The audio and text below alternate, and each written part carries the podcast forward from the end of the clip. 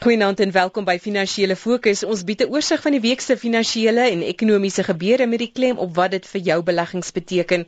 My naam is Erika van der Merwe. Opbrengskoerse op langtermyn Italiaanse skuld het in die week tydelik bo die kritiese 7% vlak beweeg. 'n Leningskoers wat onvolhoubaar sal wees vir 'n land wat met skuld van 1.9 triljoen euro sit. Vinnige markintrede deur die Europese Sentrale Bank het effe verligting gebring, maar die probleem bly steeds staan. Anglo American na verlede week se nuus dat hy te beurs gaan uitkoop het van dese week 'n kwart van sy koperbates in Chili verkoop vir min of meer dieselfde prys as die De Beers transaksie en ons Reserwebank laat rentekoerse onveranderd maar waarsku dat inflasie vir langer bo die teikenband sal beweeg. Vanaand se gaste Charles de Kok, portefeuljebestuurder by Coronation Fondsbestuurders en Steve Minnar, portefeuljebestuurder by Abax Investments. Goeienaand. Goeienaand. Charles, eh, die die storie in Europa bly baie interessant en die fokus natuurlik geskuif na Italië. Die probleem was nou al jare lank daar gewees, maar die feit dat hulle teen vroeg volgende jaar 'n groot hoeveelheid van hulle skuld gaan moet begin omrol, het veral kommer gewek gegee dat die 10 jaar koers bo die 7% vlak beweeg het. Ja, die beleggers in die in die effekte het eenvoudig nou hulle rug gekeer op Italië en uh wil nou nie meer Italiaanse staatseffekte hê teen laerige koerse nie, so die koers nou is oor die 7%, wat dit vir hulle onmoontlik sal maak om hulle groot staats te begrotingstekort te finansier. So dit is 'n nou 'n ordentlike krisis en Berlusconi het uiteindelik het hy 'n stemming in die parlement verloor, so hy is ook nou op pad uit. Natuurlik die nuwe regering wat gaan inkom gaan dieselfde slegte handkaarte het om mee te speel, maar hopelik sal daar 'n bietjie meer dringendheid wees by hulle om nou wel iets daadwerklik te doen. Maar die uh feit dat die effekte koerse so hoog opgeskop het, dit net onvermydelike probleem nou net vinniger 'n krisis gemaak. En Steve, veral 'n krisis gegee die omvang van die probleem, Italië met die derde grootste staatseffekte mark is blykbaar te groot vir 'n reddingspakket. Ja, dis die dilemma wat lê. Soos Charles nou gesê het, weet die jou jou gewone beleggers sê wel ons is nie meer bereid om daai effekte te koop nie. Die staat het nog steeds die likwiditeit en die in die, die geld nodig. So nou keer hulle na die Europese sentrale bank en soos ek verstaan het hulle nou al oor die 250 miljard euros by hulle geleen in die afgelope paar maande. En ons eintlik nou net soveel wat die sentrale bank uit Europa se punt uit wil leen om die situasie te beredder. So so dit is dit is definitief 'n krisis. Mense wil sien hoe dit moet, moet verder gaan. Ek dink dit is om belangrik is dat die nuwe regering baie duidelike en baie ferm besparingsmeganismes en planne uh, moet vorendag lê dat mense so 'n bietjie meer sekerheid en bietjie meer vertroue kan kry dat hulle wel van hulle kant af ook gaan probeer om die situasie te beredder en nie terugstaan en sê wel ons soek nou maar ander mense wat die geld vir ons kan leen nie. Charles, die Griekse probleem nou maar 'n sekondêre kwessie. Daar's nou 'n tydelike nuwe hoof in die vorm van Lukas Papademos. Hy is 'n voormalige sentrale bankier, so die gevoel is hy benader die probleme in die regte houding. Wel, mense hoop altyd dat dit die geval is, maar oor baie jare heen in daai suider-Europese lande was die finansies net nie konservatief genoeg nie. En die gevolg is die vlakke van staatsskuld is nou net dramaties te hoog. En om dit terug te werk gaan dekades vat. En dis dekades van swaar kry wat vir hulle voorlê. Ek is nog van die opinie dat land soos Griekeland sal beter hier inkom bevind as hy uit die euro uitklim en maar sy regte skuld maak en sê ek kan nie meer my skuld terugbetaal nie en dan klim hy uit die euro uit en dan kry hy die dragma terug as 'n geldeenheid. Dit gaan sy eie ander probleme bring vir hulle insluitende hoër inflasie, maar op die einde van die dag dink ek dit is 'n effe makliker opsie vir hulle. Maar uh die Europeërs kom nou vreeslik vas daarteen want jy wil nie dat een land uit die euro gaan nie want dan onmiddellik laat dit die vraag ontstaan of die volgende een nie ook uit die euro uit kan gaan nie.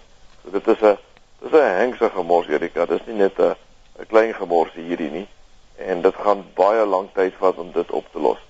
Ek dink beleggers wil nie altyd geduldig wees nie en wil vinnig oplossings soek. Maar op hierdie ene moet jy geduldig wees. Daar is nie 'n korttermyn oplossing nie, die probleem is te diep en te omvangryk om 'n vinnige oplossing te kry en wat vir die lande met die groot skuld soos Griekeland en Italië 'n oplossing is, is nie aanvaarbaar dalk vir die Duitsers wat met die surplus sit nie. So dit is 'n engse politieke spelery wat aan die gang is en uh beleggers raak nou ongeduldig en is dit dat daai rentekoerse so hoog opgeskop het.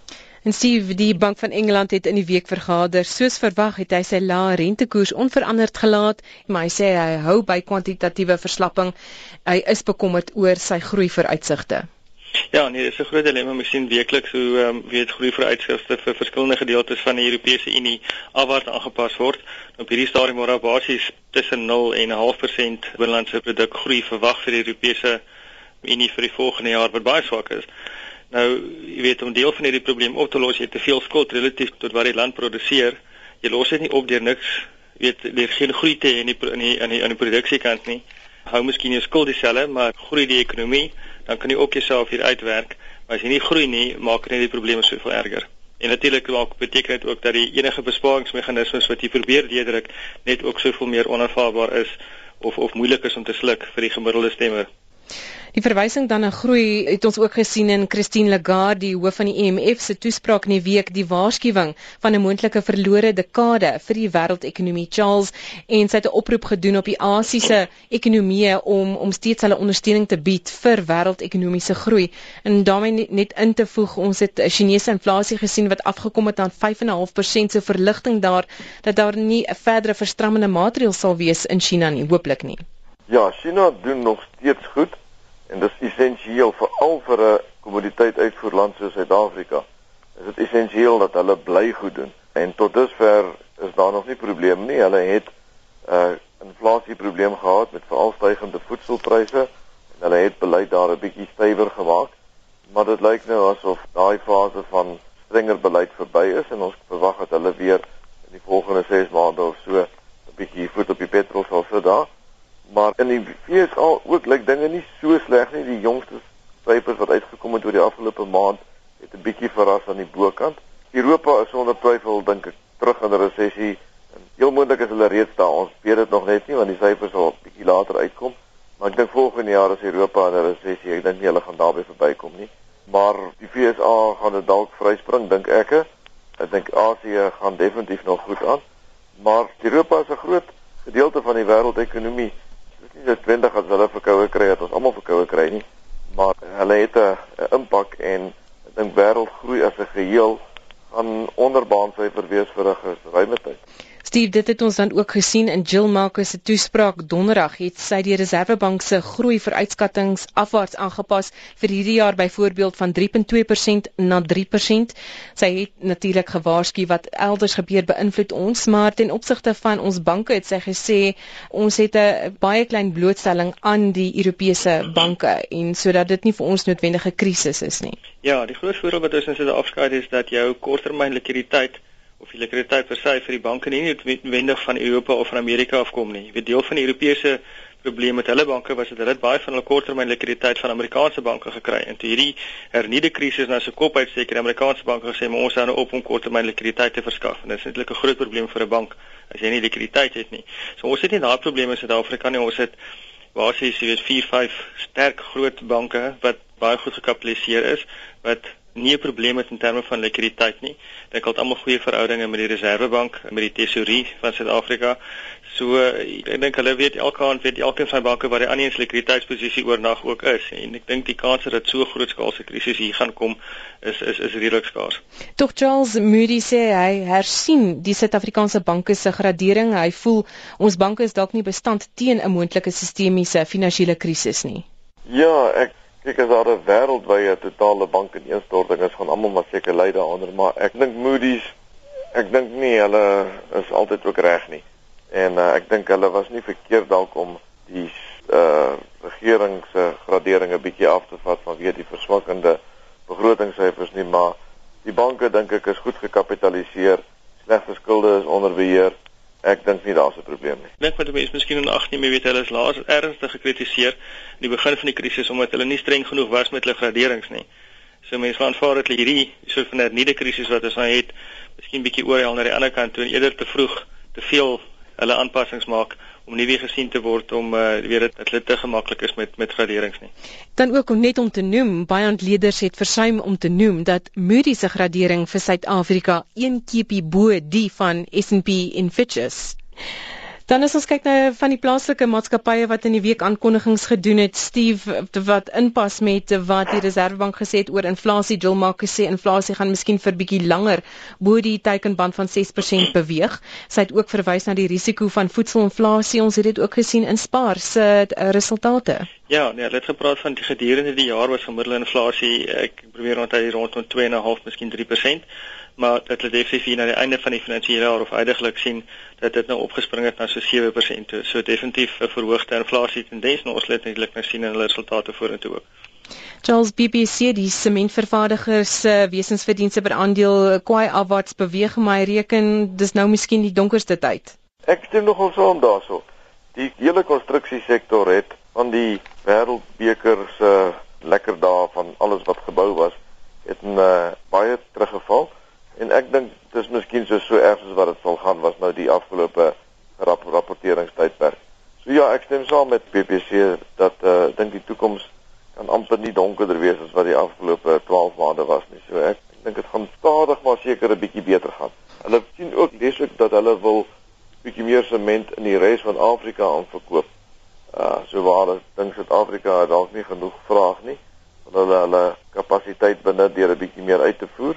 Mense sal kyk of hulle dit regkry. Saam met al die ander wat ook hulle kapasiteit in Afrika uitbrei. Ja. Ja, nee kyk, sement is 'n interessante industrie dat soos baie ander van die groot swaar industrie jy kry baie voordele as jy teen volle kapasiteit uh, jou fabrieke hardloop want jou eenheidskoste baie laag as jy dit nie kan doen nie dan styg jou eenheidskoste net die hele tyd so almal probeer met meer volstoom produseer maar dan moet jy die afsetpunte kry en as dit nie bestaan nie dan bestaan dit nie en sement is ook 'n swaar ding om te vervoer so hulle sal kyk of hulle in Afrika ook kan produseer dink ek Steve aan die aan die goue kant, ons het 'n goudmyner uh, maatskappye Anglo Gold en Goldfields se resultate gesien. Uiteraard met die hoër goudprys het hulle verdienste goed gelyk, maar ontleeders baie ontleeders reken nog jy gaan veel beter doen deur 'n beursverhandelde fonds in goud te koop eerder as die goudmyn maatskappye. As jy kyk oor die afgelope 12 maande, het die beursverhandelde fonds uh, met so 45% gestyg, heelwat meer as wat die goudmyn maatskappye gedoen het. Ja, dis ongelukkig nou maar die dilemma wat ons het met die goudmyne wat veral die wat baie meer blootgestel is tot die Suid-Afrikaanse ekonomie. Jou insetkoste groei net ongelukkig teen 'n geweldige tempo. Jou arbeid is elke jaar baie duurder, ons almal weet van die elektrisiteitsprys en dan alle ander insetkoste ook. Uh, maak dit baie duur. Suid-Afrika is nie wenig die mees werkgewervriendelike omgewing om besigheid te doen nie. Ek dink die bietjie van 'n teenvoeter daarvoor natuurlik is dat jy omdat die maatskappye relatiewe lae marges maak en omdat hulle redelike hoeveelheid skuldvlakke ook het want is 'n duur besigheid om 'n diep myn te grawe het hulle baie meer van 'n operasionele hefboom in hulle besigheidsmodel as as baie ander besighede. So jy weet net teoreties is dit veronderstel om vir jou baie groter opbrengs te gee. As die goudprys nou sal opgaan, word daai hefboom in te skop en dan behoort jy baie beter groei te kry as wat jy net uit die tradisionele goud self uit kry. Maar ongelukkig het dit nog elke keer nie gebeur nie. Jou insetkoste was net soveel meer daai hefboom as en soveel so wat ons verwag het nie. En dit eintlik swakker gedoen na die maatskappy self uit relatief tot die eintlike goudprys per se. Charles en dan net vinnige kommentaar oor Anglo American wat 1 kwart van sy koperbate in Chili verkoop het. Ja, dit het die mark verras vir ons ook. Ehm um, hulle het 'n baie goeie prys daarvoor gekry en die prys van Anglo het toe 'n bietjie opgegaan op daai nuus. Daar's 'n komplekse verhouding daar. Eers het die Chiliaanse regering met 'n met 'n opsie om 'n gedeelte van Anglo se se belegging daar te koop wat en daai opsie is elke 3 jaar uitvoerbaar. Hulle het nou aangekondig hulle gaan dit doen. Dit is nou so 'n paar maande gelede. Maar nou het Anglo nou intussen 'n kwart nou van die besigheid verkoop teen 'n baie goeie prys aan Mitsubishi. Ek dink wat aandeelhouers betref, hoewel ek nog nie die oorspronklike ooreenkoms gesien het nie en dis baie goed word in sulke wetlike terme geskryf, is altyd moeilik vir my om te verstaan. Ek dink as mens net kyk na die prys wat hulle gekry het vir die kwart wat hulle nou verkoop het, lyk dit na 'n baie goeie prys wat hulle behaal het en ek dink hulle die bestuur was nogal besig hierdie afgelope week met die diamant transaksie ook wat hulle gedoen het met die Oppenheimers. Ek dink die bestuur is definitief op die bol en besig om waarde vir aandeelhouers uit te wys. Steven dan as ons kan afsluit met Richmond se resultate, eerste helfte syfers wat baie gesond gelyk het. Ja, miskien is dit die hoogtepunt van die week, weet mense is is nou 'n bietjie depressief raak as jy kyk na wat in die finansiële krisis aangaan in Europa en so voort. Nou kom 'n maatskappy soos Richmond met geweldige goeie resultate hoogtepunte vir hulle is hulle groei wat nog steeds uit uit Asië uit sien wat tot 'n groot mate gedryf word deur China en jy weet 'n 60% hoër verkope in naastreek relatief tot relatief tot 'n jaar gelede. En 'n jaar gelede was nie 'n slegte syfer gewees nie. So besondere goeie groei wat hulle kry. En dit is maar nog steeds die wêreldtendens. Hulle het 'n produk wat mense reg oor die wêreld groot aspirasie het om te besit.